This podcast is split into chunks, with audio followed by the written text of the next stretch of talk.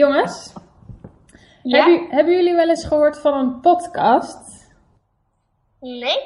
Weten jullie wat dat is? Een poppenkast. Nou, daar lijkt het wel een beetje op. Nee, een podcast. Een Het is- podcast? Ja, het, het komt uit het Engels, het woord. Dus daarom klinkt het misschien een beetje als poppenkast, maar is het toch iets heel anders. Zal ik zeggen wat het is? Ja? Het is een, het is een soort Kast? Nee, het is geen kast, het is een, een, een soort radioprogramma. Weten jullie wel wat radio is? Ja? Dus dat is dat je alleen maar verhalen kan horen. Hè? Dus dan, wordt het, dan kan je iets beluisteren. Bijvoorbeeld een luisterboek. Dat lijkt ook een beetje op een podcast. Ja, dus het is een, het is een programma. Bijvoorbeeld interviews of een verhaal. Maar dan alleen om naar te luisteren. Dat is een podcast. En een vriend van mij die maakt een podcast. En daarvoor verzamelt hij dagboeken van zeven van zijn vrienden. Dat zijn dan geen geschreven dagboeken, maar eh, dagboeken waarin ze vertellen. Dus het zijn geluidsdagboeken.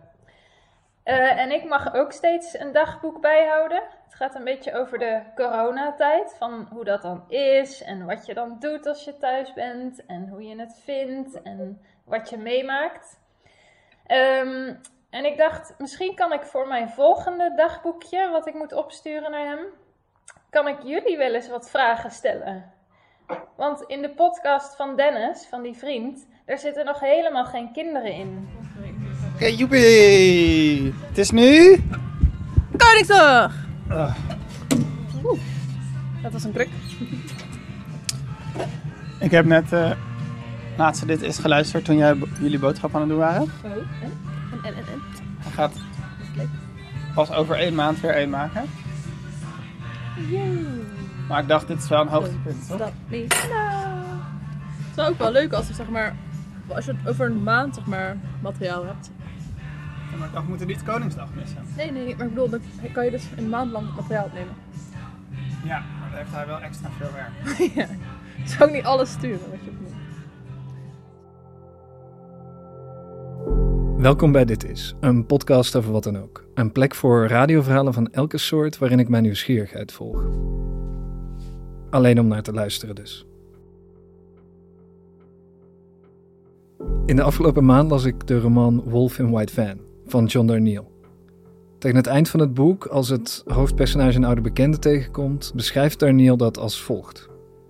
You're still around, she said, in that one voice, the one from the other side of something.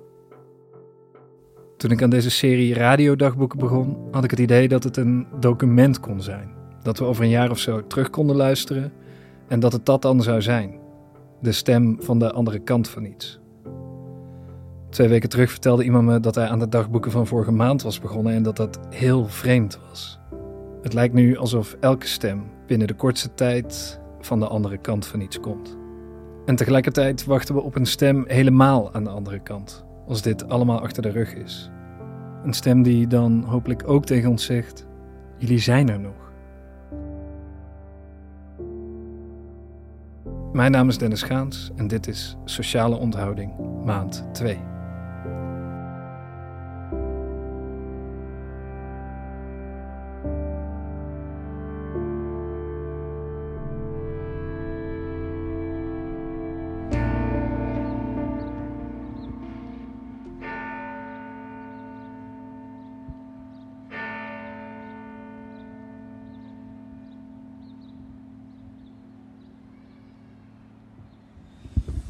Klok slaat 7 op 6 mei. Dat betekent... Persconferentie. Persconferentie. Waar kijken we die? Op het balkon. Op het balkon. Met onze Balkonbar. Nou, het gaat dus over de corona. Over deze tijd. En ik was wel benieuwd, wat, wat weten jullie eigenlijk over het coronavirus? Je moet afstand houden. Ja? Dat weet je eigenlijk al. En je moet, eh, je moet, eh, en je moet eh, zo veel mogelijk binnen blijven. Mhm. En als je bij, als je bij je opa bent, dan moet je ook super goed afstand Mhm. Heel veel dingen gaan weer open. Maar wat ik ook denk is dat omdat voor een gedeelte van de bevolking eh, corona daar hard inhakt en dat het dan toch een beetje buiten beeld blijft. Hè? Het heeft niet in alle lagen van de omgeving zo hard toegeslagen, maar wel in bepaalde groepen en niet in, ja, op alle niveaus. Mm, denk ik ook dat we, ja, ik, ik ben heel benieuwd naar de eerste hoax-verhalen. Hè? Dat, dat corona toch een hoax was. Uh, waar ik dan bij voorbaat al niet in geloof natuurlijk. Hè? Maar het is, het is bijna uh, uh, een noodzakelijke ontwikkeling dat er iemand dan komt die zegt: ja, maar er was helemaal niks aan de hand of zo. Het, was, het is een complot. Nou ja. Oh ja, mijn vader stuurde me van de week een, een, een, link door op WhatsApp over dat. het heette het plan van Bill Gates om de hele wereld te vaccineren. Um, en die. En het stond op de website vaccinvrij.nl. Dus daar maak ik me een beetje zorgen over. En mijn moeder heeft al vijf verschillende mondkapjes opgestuurd. Ik heb Elfie trouwens nog niet gezien. Ik uh, loop op de Zwart-Janstraat, een van de drukkere winkelstraten van Rotterdam. Een paar weken geleden appte ik je of uh, voice note ik je en vertelde ik hoe, uh, spannend, spannend het ik het, hoe spannend ik het vond om um, een patatje te gaan halen. En nu merk ik dat ik hier achterloos rondloop. En ergens is dat natuurlijk super fijn.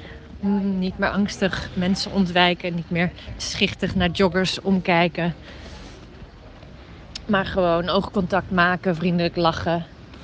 Hoewel er wel net een hoestende vrouw met hooikoorts uh, toch even wat angst bij mij opwekte. Um, maar anderzijds vind ik het ook wel ergens bijna jammer dat ik zo achterloos rondloop en zo ontspannen. Want ja, een paar weken geleden ging ik naar de supermarkt en dan was dat een soort overlevingstocht, een strooptocht. En dan dacht ik heel goed na wat ik nodig had. En nu denk ik, oh, lekker tomaatje. En dan kom ik thuis en denk ik, oh shit, ik had ook munt moeten kopen. En dan ga ik nog een keer naar de winkel. Wat natuurlijk gewoon eigenlijk een risico is wat ik neem. Maar ja, blijkbaar kan ik maar zo lang dat risico echt bewust voelen. Nou Dennis, je hoort het. De kerk gaat weer lekker los. Ik ga even een wandeling maken, want ik ga de nieuwe microfoon die ik heb gekocht buiten testen. En dan vraag je misschien af, wat voor microfoon is dat? Het is een microfoon waarmee je onzichtbaar geluid kan opvangen. Of eigenlijk meer elektromagnetische golven. Ja, hey Dennis. ja, uh, wat moet ik vertellen? Ik uh, kan inmiddels uh, in ieder geval met trots vermelden dat mijn moestuin er echt fantastisch bij staat. Ik heb tuinbonen die heel groot aan het worden zijn. Brei, tomaat, paksoi, krulsla, bietjes, venkel, broccoli. Wat heb ik nog meer? Courgette, rabarber. Nieuw-Zeelandse spinazie. Nou, het, wordt, het is één feest hier. Dus nou ja, mijn werk van begin, uh, begin maart, toen ik het zo spannend vond allemaal, betaalt zich nou uit. Dat is heel erg leuk. ik had successen en tegenvallers. Tegenvaller was dat mijn in de herfst aangeplante boompje niet alleen last had van perenpokmijt. Dat moet ik nu met zwavel gaan behandelen. Met zwavel. Niet te geloven. Maar nu heb ik ook last van peer-jeneverbesroest peer, jenever, besroest. En daarmee kan je dus elektromagnetische golven uh, oppikken. Dat werkt onder andere dus met je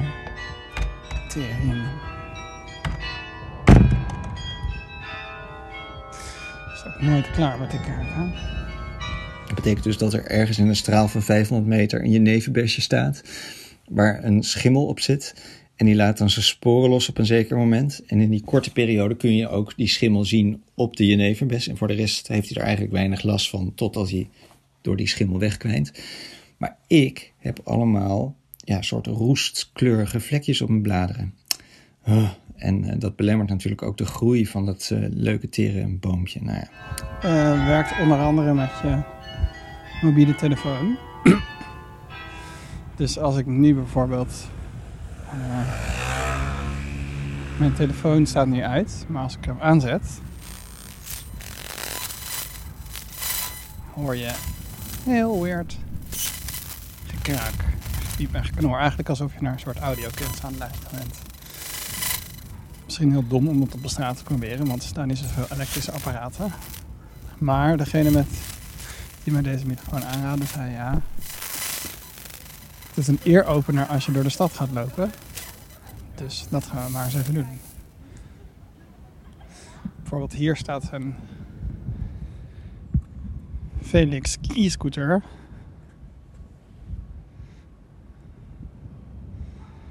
Nou, die doet het niet.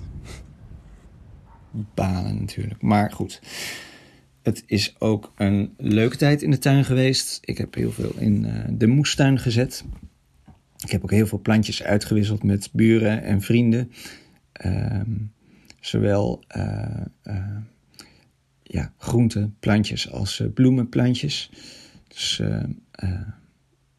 ja, dat, dat, is heel leuk om, om je hobby met anderen te delen. Ook ontzettend burgerlijk als ik me zo hoor vertellen. Maar het is echt heerlijk. En ook met dat weer, dus nogmaals, heerlijk.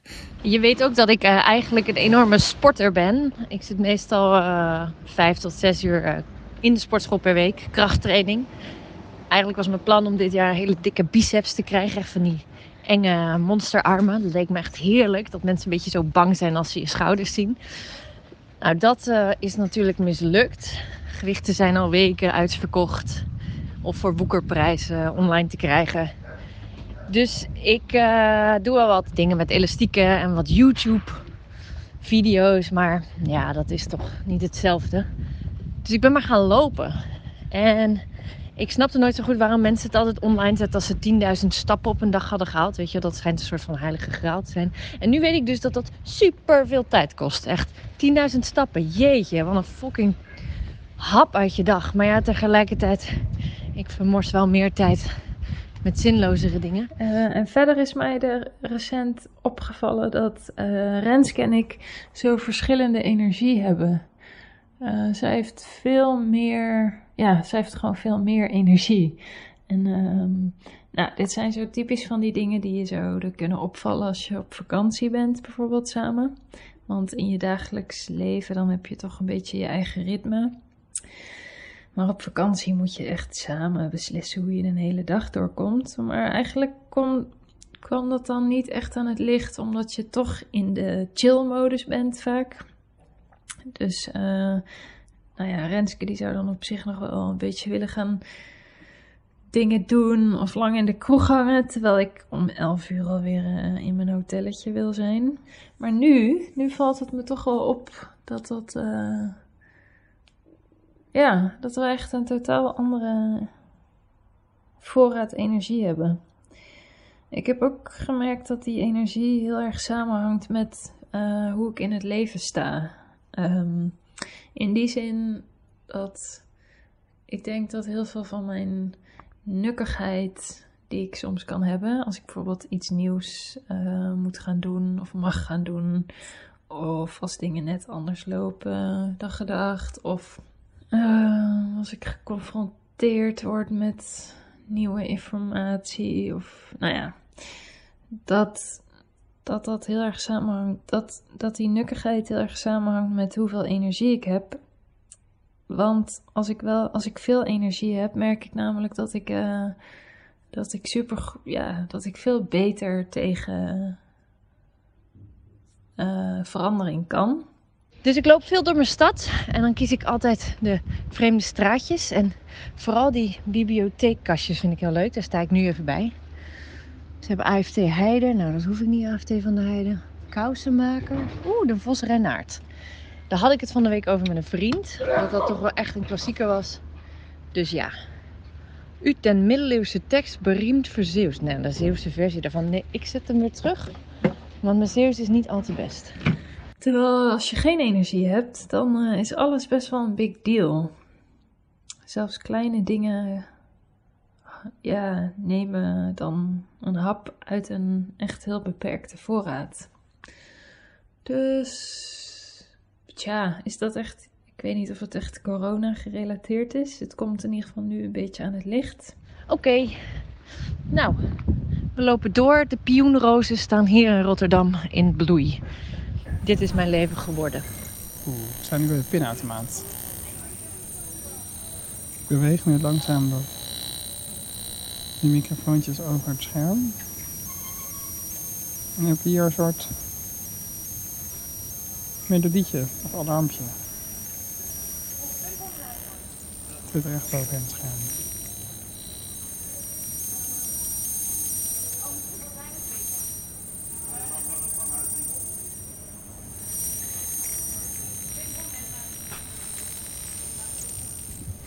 Ga maar eens binnen, kijken wat er gebeurt.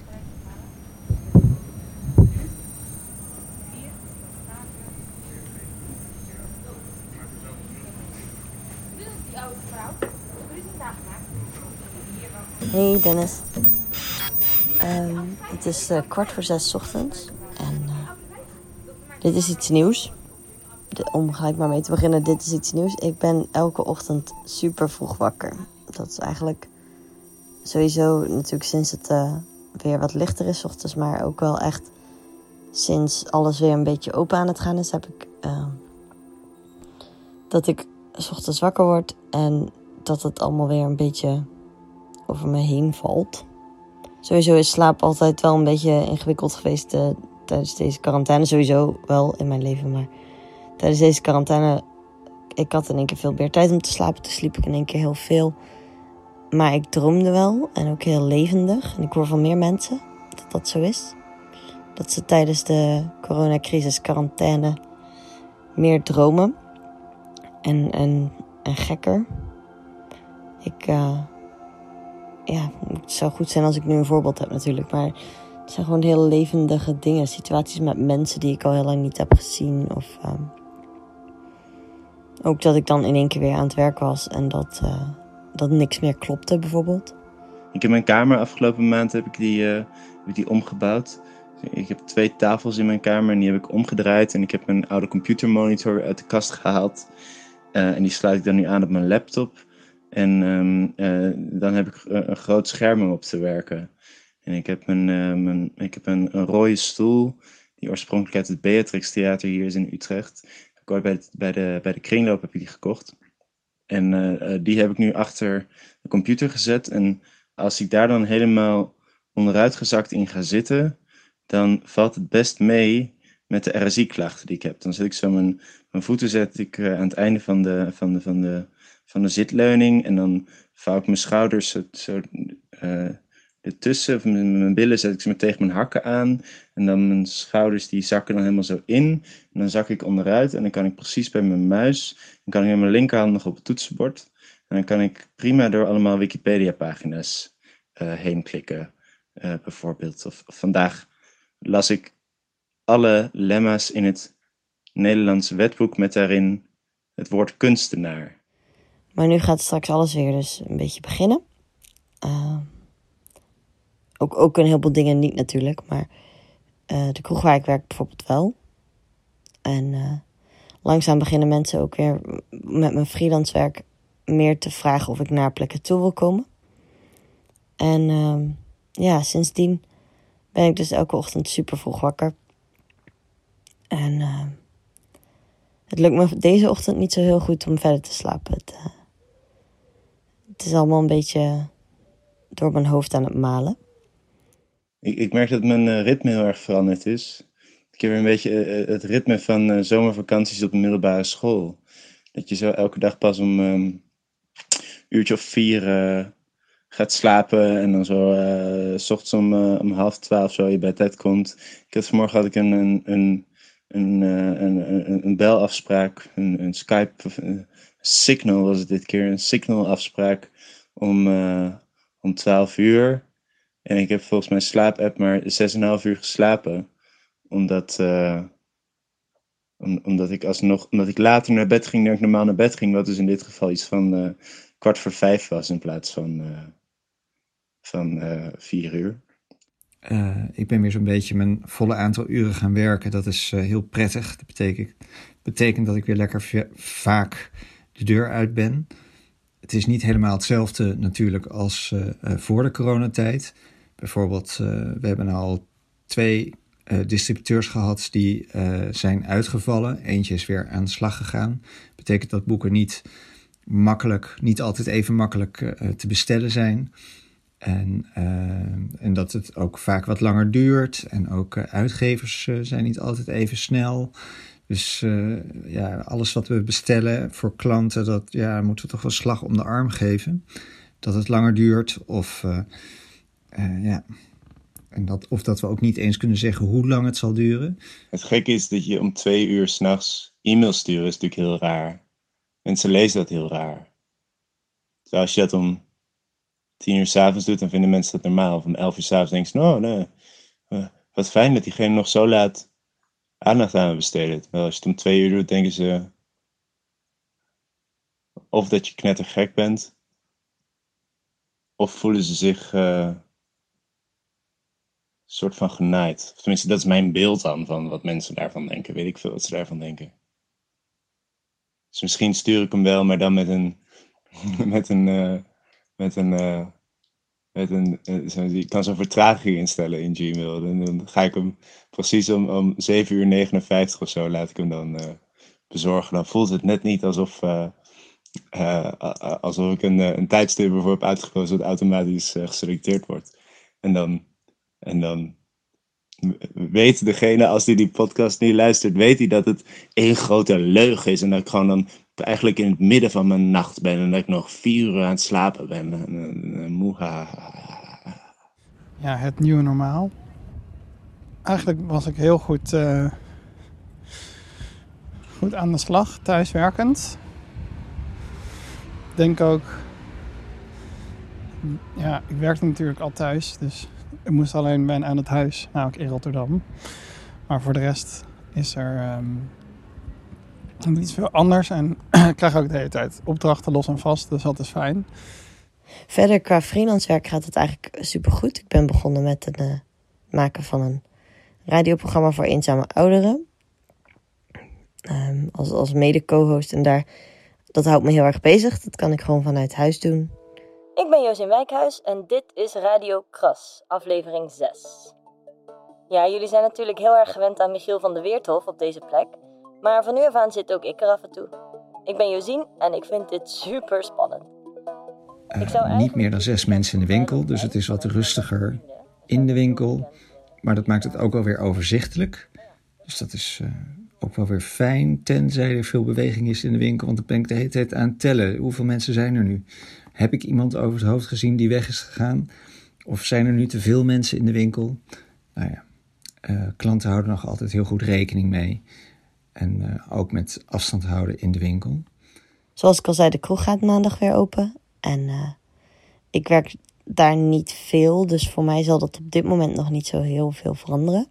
Mensen kunnen reserveren. Ehm, je moet, als mensen binnenkomen, moet je vragen. Ook als mensen bijvoorbeeld van het terras naar de wc gaan. Als mensen binnenkomen, moet je hun naam en nummer noteren om, eh, voor contactonderzoek. We moeten altijd vragen of mensen klachten hebben als ze binnenkomen. Eh, we werken met tijdslots waarin mensen kunnen reserveren. Dus we moeten ook meerdere keren op een dag laatste ronde doen. Ik weet niet. Ik, tuurlijk is het goed dat de kroegen open gaan. Of ja, dat zeg ik nou wel, maar dat weet ik eigenlijk niet of dat goed is. Maar ik snap het verlangen daarnaar. Dat heb ik ook. Ehm, misschien zelfs nog wel naar het werk. Maar eh, als ik straks met een mondkapje op want onze hele structuur in de kroeg wordt ook anders, eh, hoe we werken. Eh, niet iedereen draagt een mondkapje, maar in in een aantal functies wel. Als ik dan straks met een mondkapje op heen en weer loop tussen de bar en de, en het terras. En ik moet zowel politieagent als dokter als barvrouw zijn. eh, dan vind ik dat best wel spannend. Tegelijk was het heel leuk om iedereen weer te zien. En denk ik ook dat het. Ja. Dat het wel weer zijn weg zal vinden. Dat doet het altijd. Ik ben ook gewoon niet zo heel erg goed met, met veranderingen. Dus ja, het kan ook wel weer zijn dat ik over twee weken zeg: Oh, dit is helemaal oké. Maar het is op dit moment wel iets waar ik. eh, ja, dus op dit moment letterlijk wakker van lig. Eh, op de praktijk gaat het, eh, gaat het eigenlijk wel goed. Dat, eh, dat loopt eigenlijk allemaal wel. Eh, eh, we hebben de spreekuren zo ingericht dat er eigenlijk zo min mogelijk mensen tegelijk in de praktijk zijn en eh, tegelijk in de, de wachtkamer. We merken echt dat de, de normale zorg helemaal eh, up and running is. Het winkelgedrag is wel is hetgeen wat me het meeste opvalt dat veranderd is. In het begin was het vooral van de coronapandemie dat men stapeltjes kocht om de eh, pan, of om, sorry, in het begin van de coronapandemie kocht men vooral stapeltjes om de quarantaine eh, mee door te komen. Daarna eh, kwam men juist heel selectief voor één specifiek boek dat ze waarschijnlijk op internet hadden opgezocht of in de media hadden vernomen, eh, een recensie over hadden eh, gelezen. Ehm, of men liet het ook heel veel bezorgen. We hebben een wat oudere collega die in de gevarenzone zit, die wat meer risico heeft. Nou, die heeft de stad en eh, het, eh, ja, de nabije omgeving afgefietst om daar allerlei pakketjes te bezorgen. Dus die heeft echt een topconditie op het ogenblik en ziet eruit alsof hij weken aan de Mediterranee is geweest. Nou, eh, ja, fijn voor ons en ook heel fijn voor de klanten. Ehm, en op dit moment is iedereen weer een beetje, eh, ja, wordt er weer wat meer gesnuffeld. Hè, zoals er eh, vroeger ook gewoon een beetje werd gestruind langs de boekenkasten, dat eh, gebeurt nu ook weer. En hier op straat lijkt het ook weer alsof alles normaal is. De markt is weer geopend.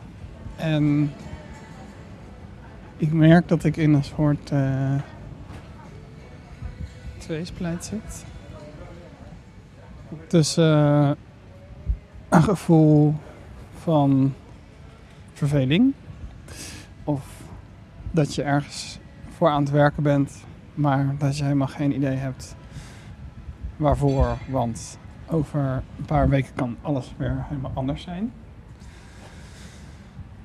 En aan de andere kant, als ik iets te doen heb, dan vind ik het toch ook wel weer leuk. En als het werk is dat binnen een afzienbare tijd af kan zijn, dan is het gewoon fijn om te doen en niet zo zorgen te maken over geld.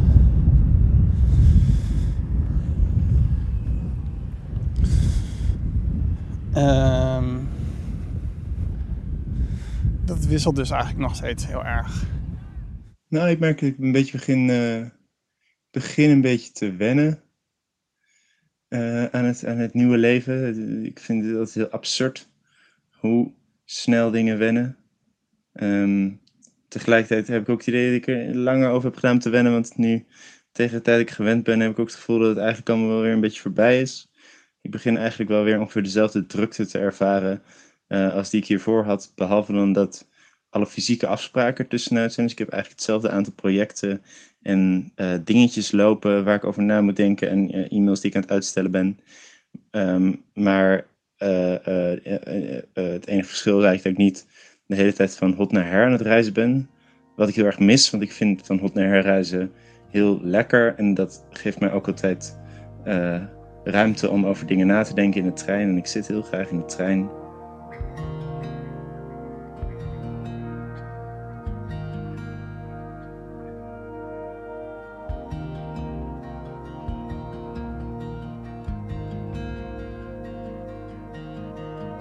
Er is een soort routine in, de, in, de, in het thuiswerken gekomen en in de rust die aan de kant fijn is, maar ook wel weer voor zijn eigen problemen zorgt. Omdat ik nu weer andere dingen moeilijk vind te doorbreken. Dus het half liggend werken en eh, de hele tijd die schermen, echt de schermen. schermen hebben. Ik geloof, ik geloof dat Lieve dat eerder zei in een aflevering. Maar de schermen hebben inderdaad echt gewonnen. Van de week zei een vriendin van mij: Ja, ik ben om mijn beeldverslaving te. eh, toch nog een beetje nuttig in te zetten. Maar Duolingo gaan doen. Maar ze kan zich ook echt niet meer losgeuren. En je ziet het overal. Het is. Dat is wel gewoon klaar. Dat. eh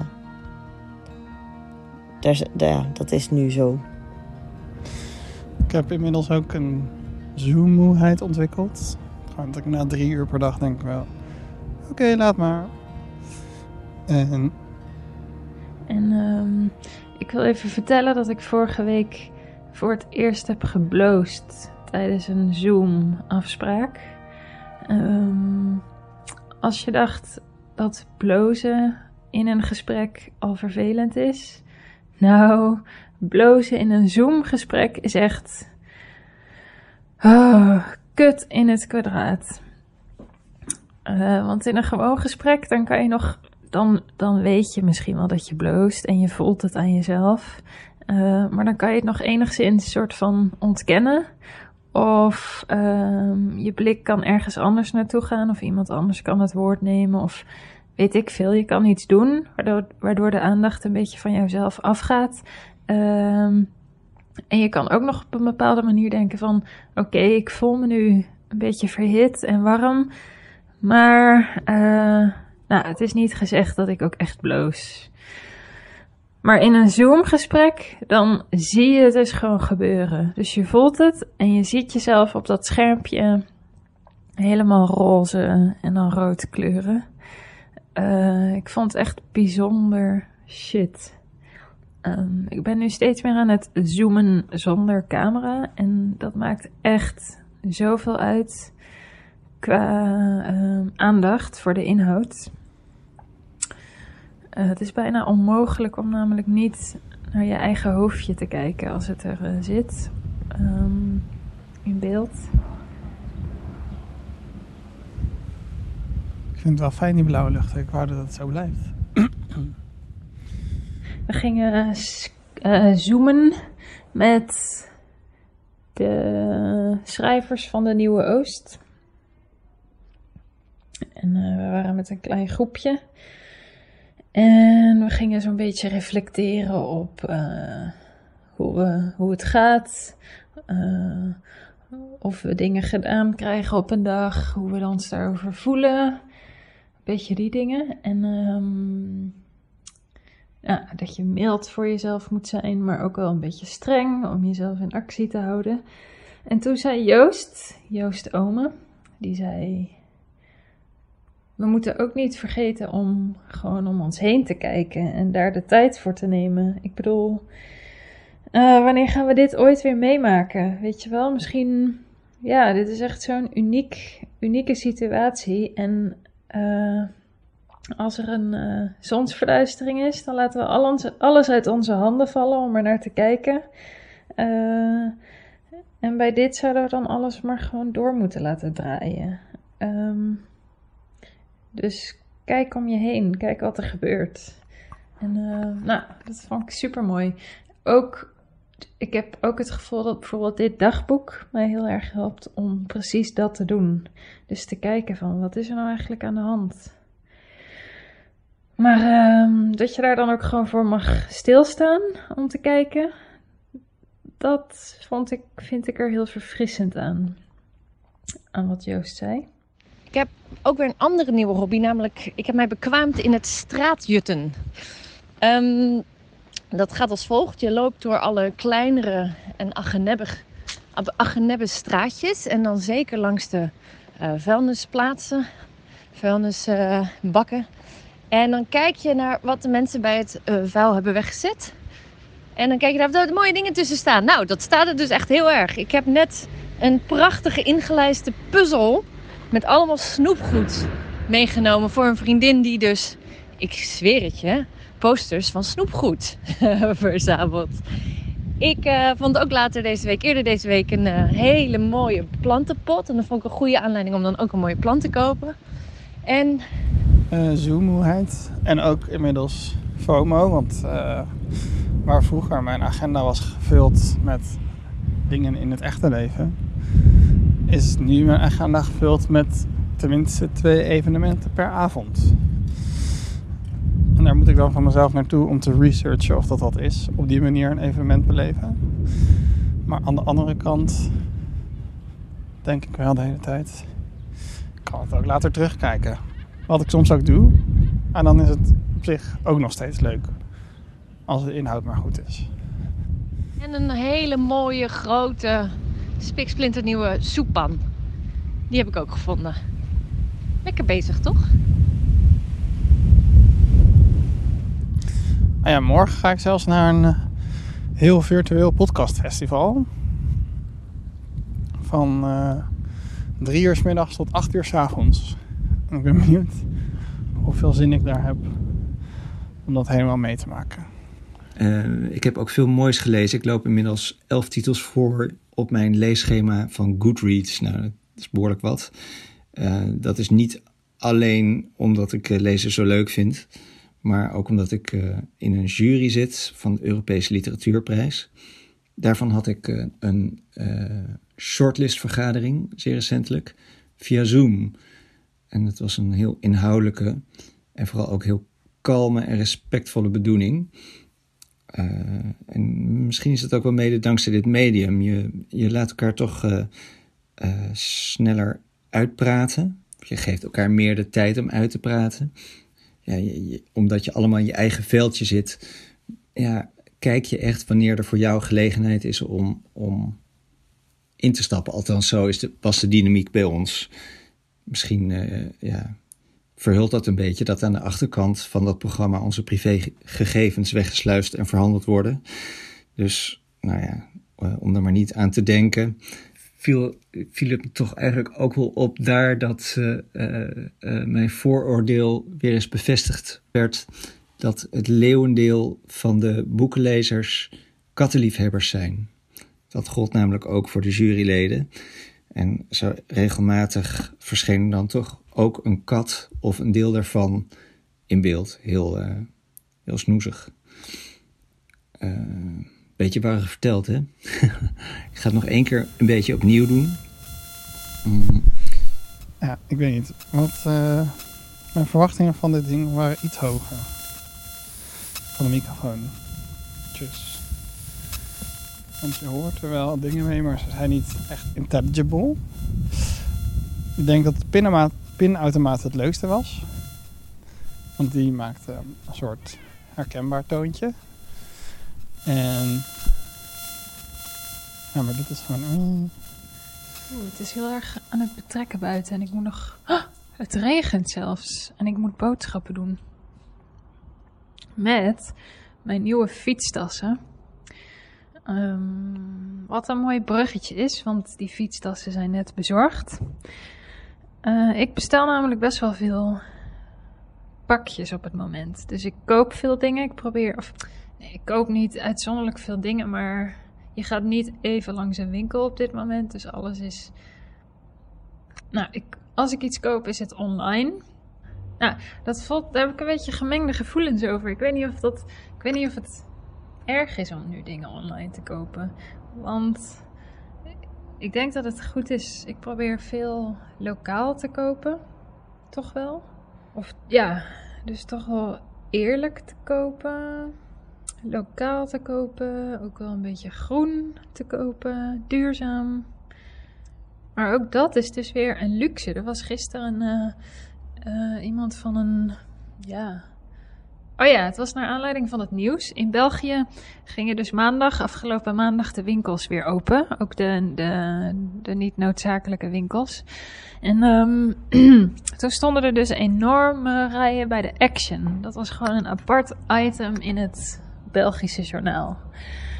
En um, toen vertelde dus iemand van zo'n zo'n armoedebestrijdingsorganisatie dat um, online bestellen echt een luxe is. Dus iets wat mensen in armoede niet kunnen doen. Uh, hij zei, om te beginnen heb je een laptop nodig of een, een apparaat waarmee je dat kan doen. Je hebt een bankrekening nodig. Oh, je hebt een hoog genoeg saldo nodig, überhaupt, om die betaling te kunnen doen. Eh, en waar het blijkbaar dus heel vaak misgaat, of misgaat, wat het heel moeilijk maakt om iets te bestellen, is dat in eh, heel veel flats waar veel armoede is, of in armere buurten, dat daar die ehm parlofoon, hoe noem je dat? Dat daar de deurbel gewoon niet werkt. Of de intercom. Dat werkt niet. Dat gaat dan stuk en dat wordt dan niet gerepareerd. Dat is gewoon geen prioriteit. En ehm, nou, dat betekent dus, dat is weer zo'n soort van onderscheid. ik zeg dit omdat er dus op zoveel niveaus een onderscheid is tussen mensen. Dit betekent dus dat, ja, waar ik gewoon lekker dingen kan bestellen eh, en tijd overhoud voor andere dingen. Ehm, terwijl iemand dat pakketje aan mij bezorgt. Daar hebben dus mensen die in armoede leven, moeten ook nog heel veel van hun tijd besteden aan in de rij staan. Terwijl die waarschijnlijk ook niet altijd tijd te, sparen hebben. Dus, ehm, nou, het was weer even een soort reality check toen ik dat zag in het nieuws. Oh ja, we hebben ook nog op zo'n elektrische scooter gereden laatst. Toen waren we naar de Kralingse Plas en toen waren daar al heel veel mensen. En ik was, dat was met Hemelsvaartsdag en toen dacht ik later van... Oeh, dat was misschien toch ook wel dom om te doen. Maar er waren wel van al die, allemaal van die grote cirkels waar iedereen dan in zit. En dat werkt echt als een, eh, als een tiet. En ik heb nu ook zonnebril in de tas gehaald. Die nieuwe zonnebril. Van jullie. Oh ja, je verjaardagscadeau. Wow, te gek. Hij staat zo goed. Wat ik trouwens ook echt heel prettig vind, is de oud-Hollandse hobby van op de koffie gaan. En aanwaaien bij vrienden, aangezien de musea dicht zijn, de cinema's dicht zijn. Ik zei serieus cinema. Bioscopen. Aansteller ben ik ook. Ehm, dus er valt heel veel weg wat ik normaliter zou doen. Maar ja, ik wil wel iets doen. Dus tijdens dat wandelen wandel ik nu dus naar vrienden. En dan doe ik even daar een bakje koffie op de stoep of inmiddels in de woonkamer. Vast een balkon hebben daar. En dat is eigenlijk heel prettig. Je babbelt zo en dan loop je weer door. Mm, het voelt een beetje als een oud-Hollandse hobby. Ik, eh, ik vind het heel prettig om dat te doen. Ehm, op straat valt me op dat de anderhalve meter niet wordt gerespecteerd, nog gehandhaafd. Tenminste, zo vaak ben ik niet in het centrum, maar ik merk het eigenlijk niet. Er is eh, in Utrecht een rotonde op een eh, druk, eh, drukke T-splitsing. Ehm, maar men loopt echt niet rechtsom, men loopt gewoon rechtdoor, de kortste route naar waar men heen wil. Ehm, en ja, het is gewoon, als het druk is, dan, dan wil je er gewoon even snel langs, blijkbaar. Ehm, dat maakt trouwens het winkelen echt niet veel leuker. Want eh, eh, het, wordt, ja, het is heel irritant dat je de hele tijd maar het gevoel hebt dat mensen te dichtbij komen. Ehm, en ik denk eigenlijk dat dat de komende tijd alleen maar erger wordt. Ook vooral omdat het niet wordt gehandhaafd. Sinds vandaag is er weer een, eh, is hier een versoepeling van de maatregelen. Onder andere mag je nu mensen thuis uitnodigen. Ehm, ik geloof. Het is wat verwarrend. Er wordt gesproken over dat je met vier mensen bij elkaar mag komen. Maar er is blijkbaar ook een model. Ik weet niet of dat dan het Duitse model is. Waarbij twee bubbels, dus als het ware twee huishoudens, eh, zouden mogen mengen. Maar dat dat dan dus de hele tijd diezelfde twee huishoudens zijn. Ehm, voor ons is het sowieso redelijk overzichtelijk eh, wie we zien. Namelijk twee vriendinnen die elk een eigen huishouden vormen. En daar zijn we dus gisteren mee gaan picknicken. Want we hadden de traditie om elke vrijdag samen iets te doen. Samen te eten. Eh, en dat, hebben we, dat viel stil. En nu konden we dus voor het eerst weer met z'n vieren samenkomen. Hoewel, het, het is dus eigenlijk niet de bedoeling om dat dan in het openbaar te doen. En het was gisteren nog niet helemaal van kracht, die, eh, die nieuwe versoepeling. Dus eigenlijk was het, eh, vond ik het heel spannend. We waren helemaal naar zo'n park gefietst en dan ben je de hele tijd zo aan het kijken van... Oké, hoe druk is het? Eh, is er politie? Hoe actief is die politie? Waarschuwen ze alleen of delen ze ook bekeuringen of boetes uit? We hebben laatst weer vrienden over de vloer gehad. Dat heet in de tuin. En die bleven hangen voor het eten. Eh, ja, dat, dat ruikt toch weer naar normaliteit. En dat is ja, echt is zo fijn. Het was ook heel gezellig.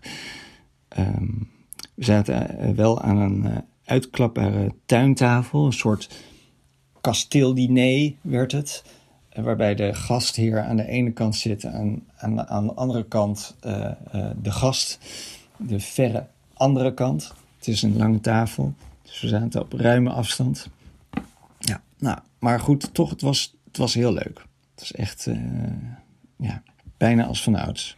Maar ik was me dus de hele tijd aan het afvragen van... Oké, is dit nu gewoon een gezellige picknick? Of gaat dit grapje ons straks bijvoorbeeld 1000 euro kosten als elk van ons een bekeuring krijgt? Dus dat deed wel een klein beetje afbreuk aan, eh, aan de feestvreugde. Maar eh, nee, uiteindelijk was het heel relaxed en leuk om elkaar weer te zien. Eh, en ik kijk er dus wel echt super naar uit om weer naar Amsterdam te gaan. Maar dat gaan we ook, want eh Sylvie moet op 8 juni naar, de, eh, naar het ziekenhuis voor de knie. Hij heeft een afspraak met de arts. En blijkbaar hebben we dus blijkbaar meteen het hele weekend er vol, vol gepland. Want zo ging dat voor corona. Ten eerste hebben we ehm, op 7 juni een nieuwe podcastclub gepland. Die is ook in het echt. Er mogen maar 20 mensen komen, max. Zeg maar ten opzichte van de ruimte. Maar als het mooi weer wordt, dan gaan we met Silent Disco koptelefoons in de tuin zitten van de Tolhuistuin. Dus dat wordt heel leuk. En ehm, dan kan ik ook weer mensen in het echt zien. En dan hebben we weer een live eventje. Misschien herken je dat ook wel, dat dat de dingen zijn waar je naartoe leeft. Ook al heeft het er niks op. En ik moet, eer- ja, ik moet eerlijk zeggen, niet helemaal mogelijk om je aan die anderhalve meter te houden.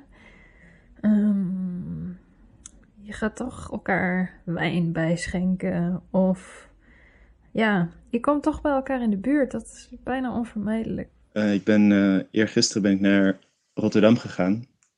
En mijn moeder had becijferd dat het precies drie maanden geleden was dat we elkaar voor het laatst gezien hadden. En daarmee was het dus ook precies drie maanden dat ik niet in Rotterdam was geweest. En toen besefte ik me ook dat ik nog nooit zo lang niet in Rotterdam ben geweest. Wat ik een heel vreemd, maar ook logisch, maar ook vreemd ding vind. Dat zijn heel veel dingen nu. Zijn hè, logisch dat je het al zo lang niet hebt gedaan, maar ook absurd dat je iets zo lang niet kan doen. Ik heb me nooit voorgesteld dat ik drie maanden niet in Rotterdam zou zijn, terwijl ik tegelijkertijd ook nooit over had gedacht dat ik elke eh, anderhalve maand zeker een keer in Rotterdam was. Ehm, maar goed, ik was dus in Rotterdam. Want mijn moeder belde me vorige week dat ze eh, heel slecht in haar vel zat.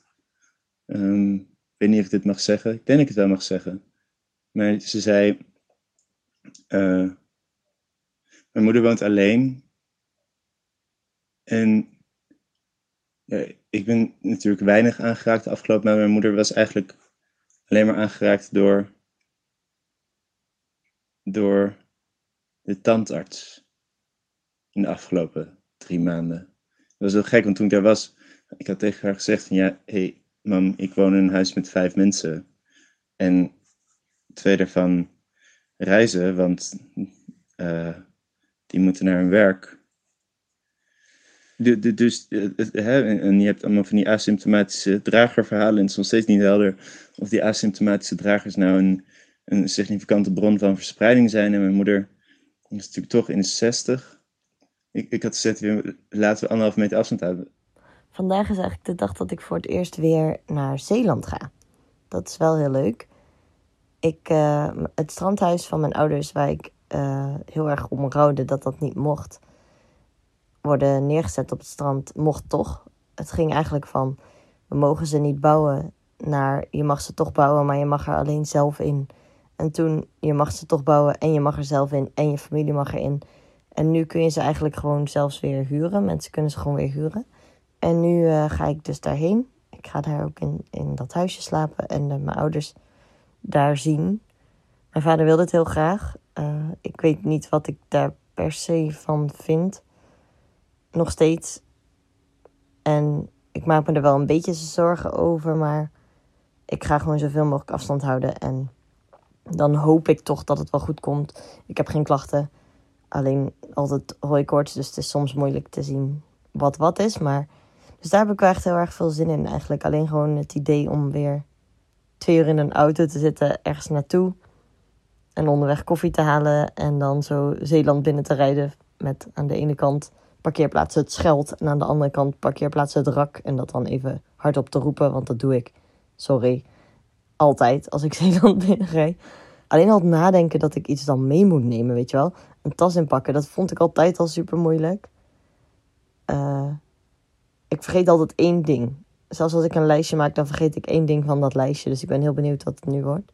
Eh, ik ging dus lopen naar het station en daardoor miste ik precies de trein. Eh, want ik moest ook nog een mondmasker kopen. Of nou ja, het hoefde nog niet, want het was natuurlijk pas iets van 25 juni. En het hoeft pas vanaf of 25 uh, april. En het hoeft pas vanaf 1 juni. Dus ik hoefde eigenlijk nog geen mondmasker te hebben. Maar ik had het gevoel van, ja, nou ja, dan is dat toch maar vast een, mondmasker kopen. En ik heb uh, hele weirde mondmaskers gekocht uit China, maar die waren nog niet bezorgd. ik heb echt geen idee hoe je daar de keuze in maakt. Je kan kiezen uit allerlei patroontjes en uitwasbaar en verschillende modellen en elastiek of met touwtjes of nou ja. Dus daar ben ik mee bezig. Ik heb een website gevonden van iemand die dat zelf maakt. Dus ik, uh, ik, ik, liep naar het station, daar zit een, een, een Boots. Um, en dat is een uh, uh, soort drogisterij-apotheek combinatie. Maar daar stond een bordje voor de deur. Wij verkopen je mondmaskers. Dus ik liep naar binnen en dan heb ik vijf van die wegwerpmondmaskers gekocht voor uh, 4,95 euro. En ik heb net een tutorial gevonden van hoe je zelf een mondmasker kan maken van een sok. En dat ga ik zelf eens uitproberen. Ik vind het wel nu al jammer dat ik hele mooie sokken hiervoor heb gekozen. Maar goed, daar gaan we. Hoi hoi, vandaag toon ik jou hoe je een mondmasker van een kous kunt maken. Je hebt een schaar nodig en je knipt het voetje van de sok. Als je het voetje hebt afgeknipt. Oh, even kijken.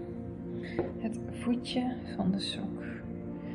Hoeveel doet zij? Ongeveer zo. Um, en ik had dus een plastic zakje, doorzichtig plastic zakje, met vijf van die mondmaskers erin, in mijn hand. En daarmee liep ik over Utrecht Centraal. En ik had nog iets van 20 minuten voordat de trein zou vertrekken, want ze rijden nu nog maar één keer in het half uur. Uh, of eigenlijk alweer één keer in het half uur, want daarvoor rijden ze maar één keer per uur. Dus ik had nog 20 minuten en ik keek over het station en ik zag niemand met een mondmasker op.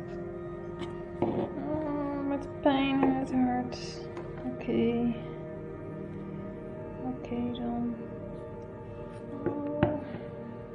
Als het lukt, dit mondmasker, is het wel een kek mondmaskertje. En ik had nog 20 minuten om daarover na te denken.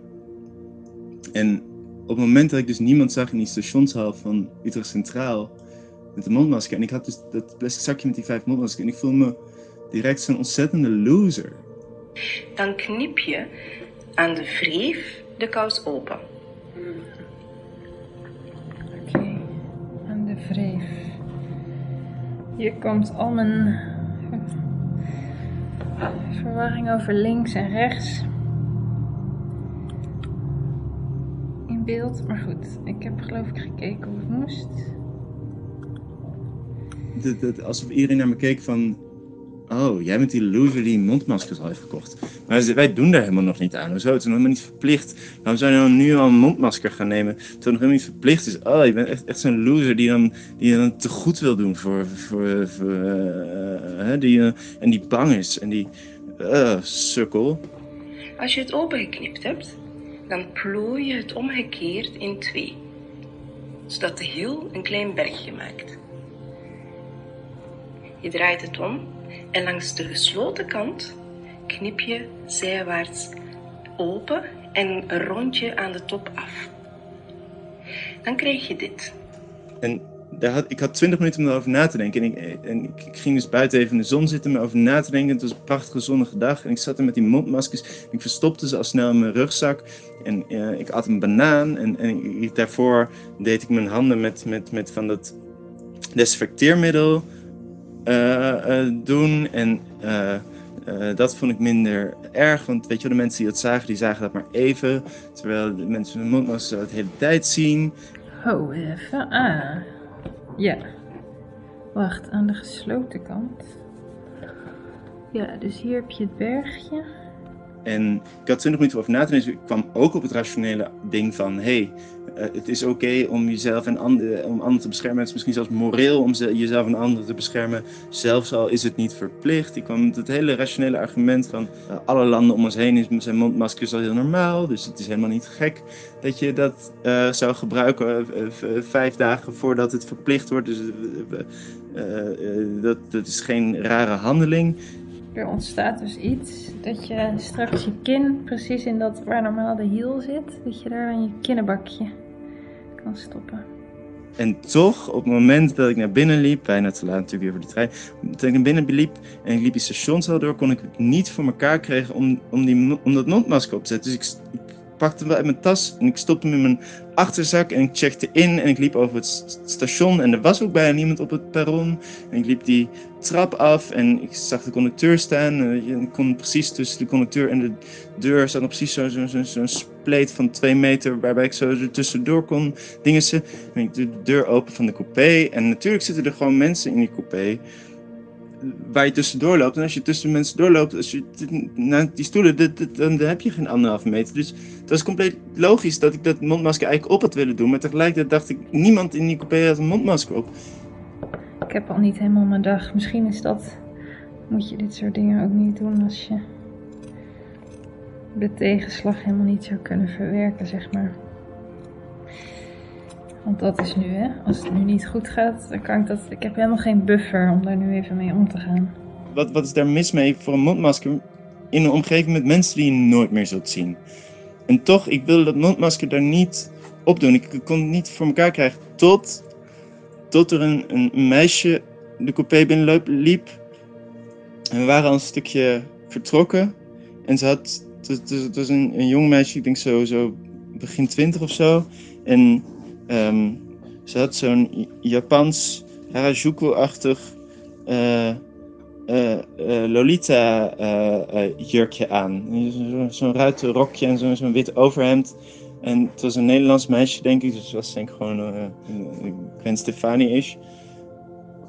Ehm, maar zij had dus een mondmasker op. En het klopt ook natuurlijk gewoon heel bij haar stijl. Dus ik kon me ook voorstellen dat het voor haar dan makkelijk was om dat te doen. Want het, het, past wel bij de general theme die ze aan het... Misschien had ze de general theme uitgekozen op basis van dat ze mondmasker wil dragen, weet ik veel. Maar eh, eh, toen, en toen ik haar zag, toen werd het opeens misschien wel 85% makkelijker. En nu hoef je het maar open te doen. Op je neus, achter je oren. Voilà, je hebt je eigen mondmasker met een sok. Het zit een beetje in mijn ogen, maar. Wacht, zij trok hem nog wat omlaag. Oké. En toen deed, heb ik dat mondmasker dus ook uitgehaald en ik heb hem opgezet en ik heb hem opgehouden tot ik mijn moeder zag op Rotterdam Centraal. Die naar me lachte en ik lachte terug, maar dat kon ze natuurlijk niet zien.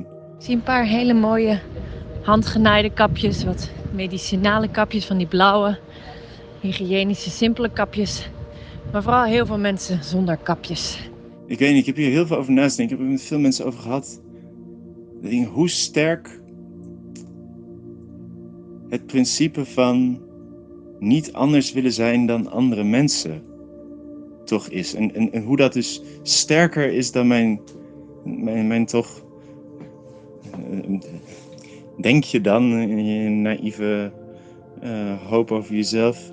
Of in je. eh, eh, in je, in je ratio of, of je, je weldenkendheid en je vermogen tot het inschatten van, van, van, van kansen en, en het interpreteren van informatie. Dat al die dingen zijn blijkbaar, in ieder geval voor mij, maar ik, ik, ik heb ook al gehoord van andere mensen die het ook zo, die dit soort dingen hebben. Ze leggen het gewoon af tegen het gevoel van, ik wil niet anders zijn dan al die andere mensen. Ik wil gewoon net zoals jullie zijn.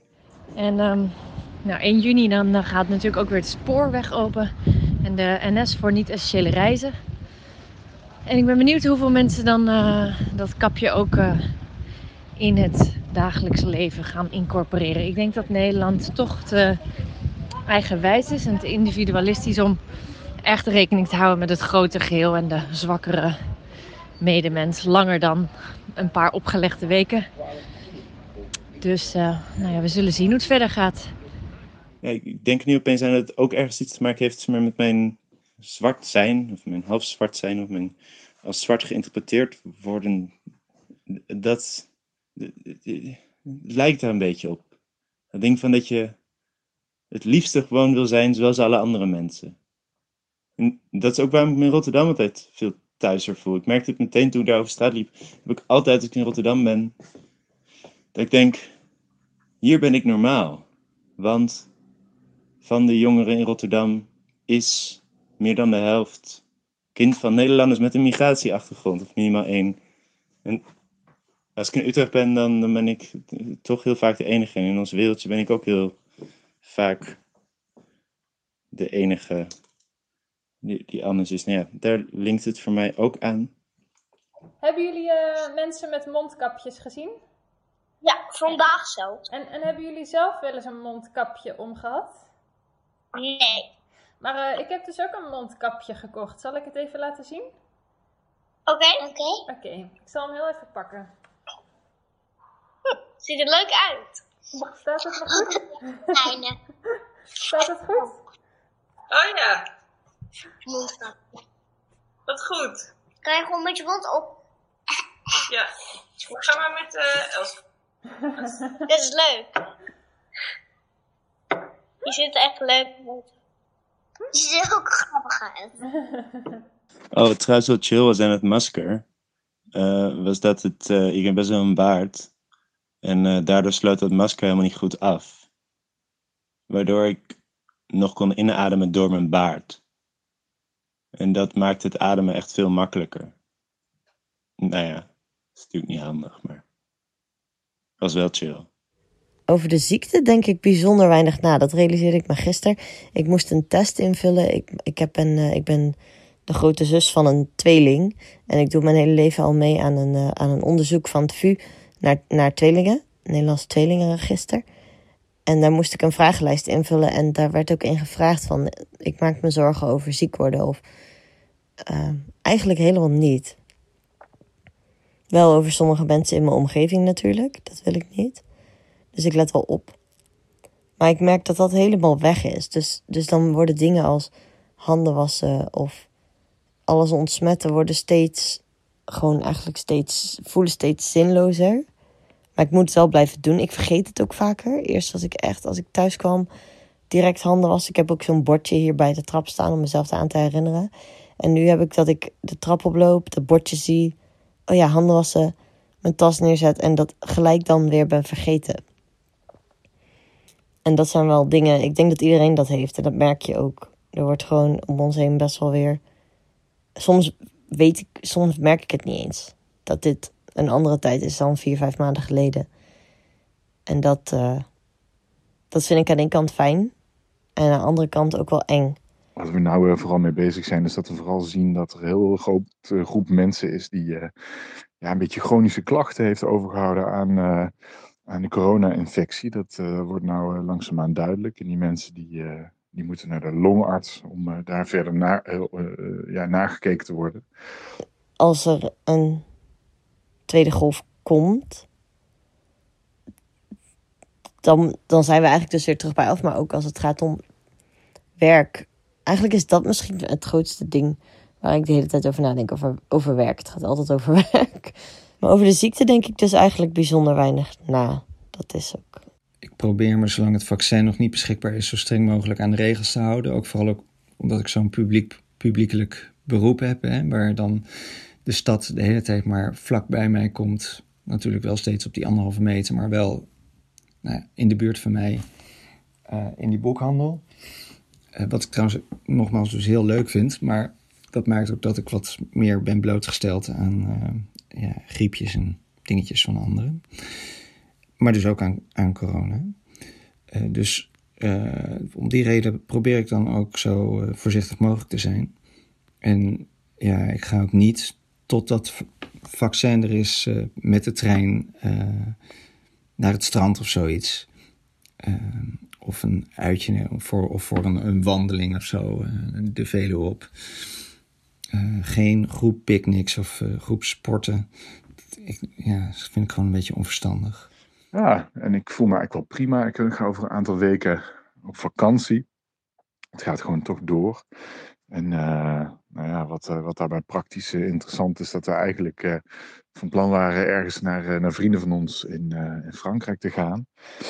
En daar hadden we eigenlijk heel veel zin in. Maar ja, het blijft toch nog, hoewel Frankrijk heeft aangegeven vanaf 15 juni open te gaan, toch nog wel een beetje spannend of dat ook echt zo is.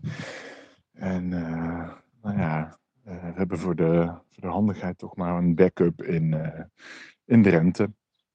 Leuk huisje met, eh, waar we een optie op hebben, maar die kunnen we nog annuleren.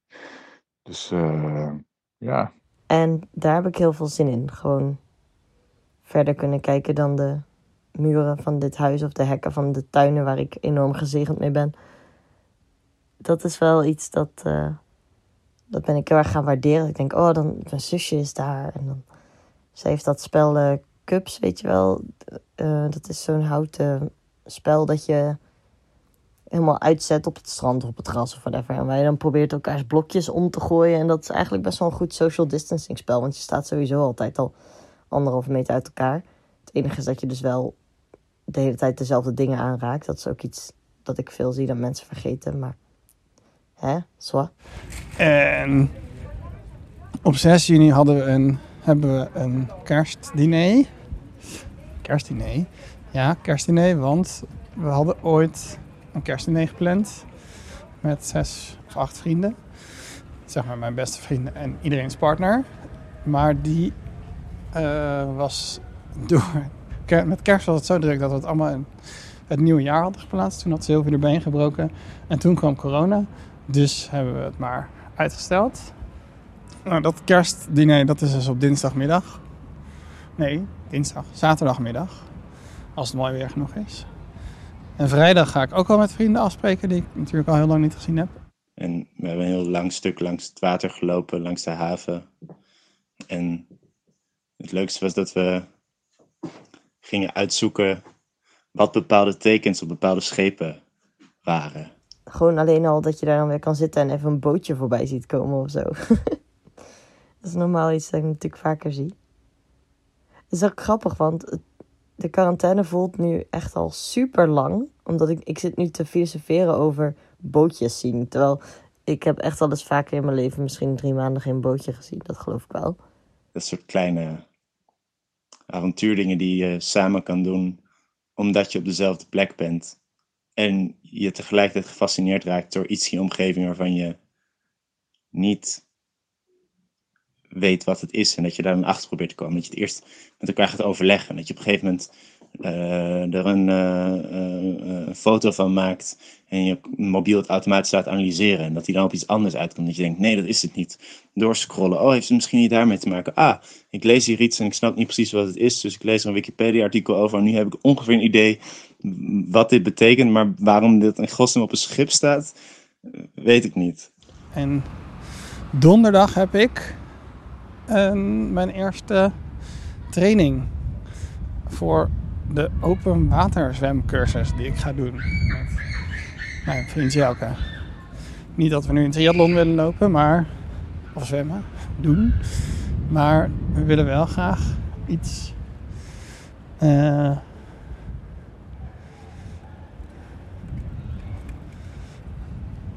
ja, iets weer doen. Dus ik heb zelf een heel zwempak gekocht. Dat is toch ook eh, bizar? Eh, tja, hey, en op eh, persoonlijk niveau wil ik weer beginnen met sporten. Dat heb ik lang niet gedaan, het wielrennen niet. Eh, maar dat eh, thuis zitten is ook zo wat, hè. En eh, het is ook goed om een beetje te sporten, dus dat ga ik, ga ik maar weer doen. En als we elkaar weer zouden kunnen zien, wat zouden we dan doen? In het echt? Ik weet het niet. Frisbeeën? Ja, dat kan. Voetballen? Frisbeeën kan met anderhalve meter afstand. Ja, voetballen kan dat ook. Met voetballen kan het ook. Super. Maar, maar dan geven we het naar elkaar toe. Met Precies. onze hand. Ja, kan dat wel? Voetballen eigenlijk zo min mogelijk. Ja, want met voetballen heb je dan je handen niet nodig. Ja, dan heb je nou, dan bij alleen de keeper. Alleen de keeper. Ja. Ik vind het ook heel prettig aan altijd wandelen dat je een soort van de werkelijke tijd ervaart. Hoeveel tijd iets echt zou moeten kosten of hoeveel tijd iets echt kost. Kost, kost, kost, kost. Dank u. Ehm, Tegelijkertijd voelt het super lang, alsof het nooit anders is geweest. Maar ook heel kort. Toen ik gisteren in de blauwe hand stond, had een, een collega zag ik voor het eerst weer. En dat ging eigenlijk weinig ceremonieel. Het was echt zo, oh ja, hé, hey, daar ben je weer. En toen zeiden we ook, het voelt echt alsof, aan de ene kant alsof we al eeuwig hierin zitten. En aan de andere kant alsof ik gisteren nog mijn laatste dienst in de hand draaide. En toen hoorde op zondagmiddag, toen ik eigenlijk weer moest zondagavond, hé, hey, het gaat niet door. Dat is ook raar. Tijd is, tijd is helemaal anders. Dagen voelen tegelijk heel veel langer en ook zijn ze ineens om. En ik merk dat het. Dat ik de ene dag zoiets heb van ik kan niet wachten tot het allemaal weer over is. En aan de andere kant denk ik, ja, maar het is net en ik begin er net een beetje aan te wennen.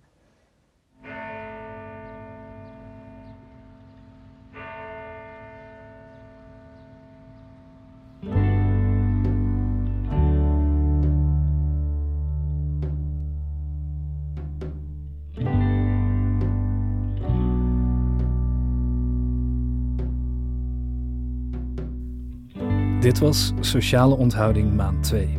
Met een volgorde van opkomst Elske van Lonkhuizen, Lieve Heremans, Marijn Schipper, Martin Rombouts, Elfie Tromp, Doris van den Burgt en Josien Wijkhuis. Links naar al deze mensen vind je in de show notes. Daar vind je ook een link naar de Patreon van Dit Is, als je de podcast wil ondersteunen. Dat kan voor 1,50 dollar per maand, wat ongeveer 1,35 euro is. Vanaf morgen kun je voor hetzelfde geld een pak sooi bij de Lidl in Zwolle kopen. Daar kun je ook naar luisteren, maar daar heb ik niks aan. En ik betwijfel dat je daar net zo lang naar gaat luisteren, als ik heel eerlijk ben. Tenzij je natuurlijk meteen na de intro geskipt hebt naar dit gedeelte, wat super raar zou zijn. En dan heb je trouwens ook een behoorlijk deel van de podcast gemist, want dit is de outro. Nou, hoe dan ook, hoeveel je ook geluisterd hebt, bedankt voor het luisteren en tot volgende maand.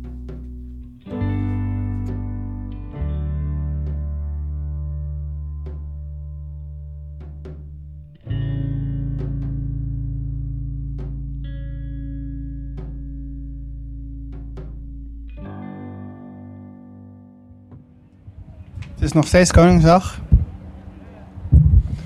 Inmiddels is het eh, kwart voor zes.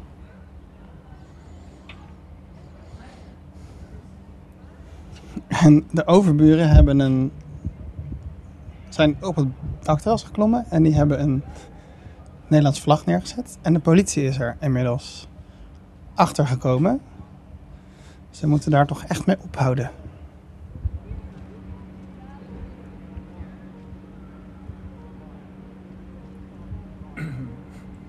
Dus dat wordt lachen.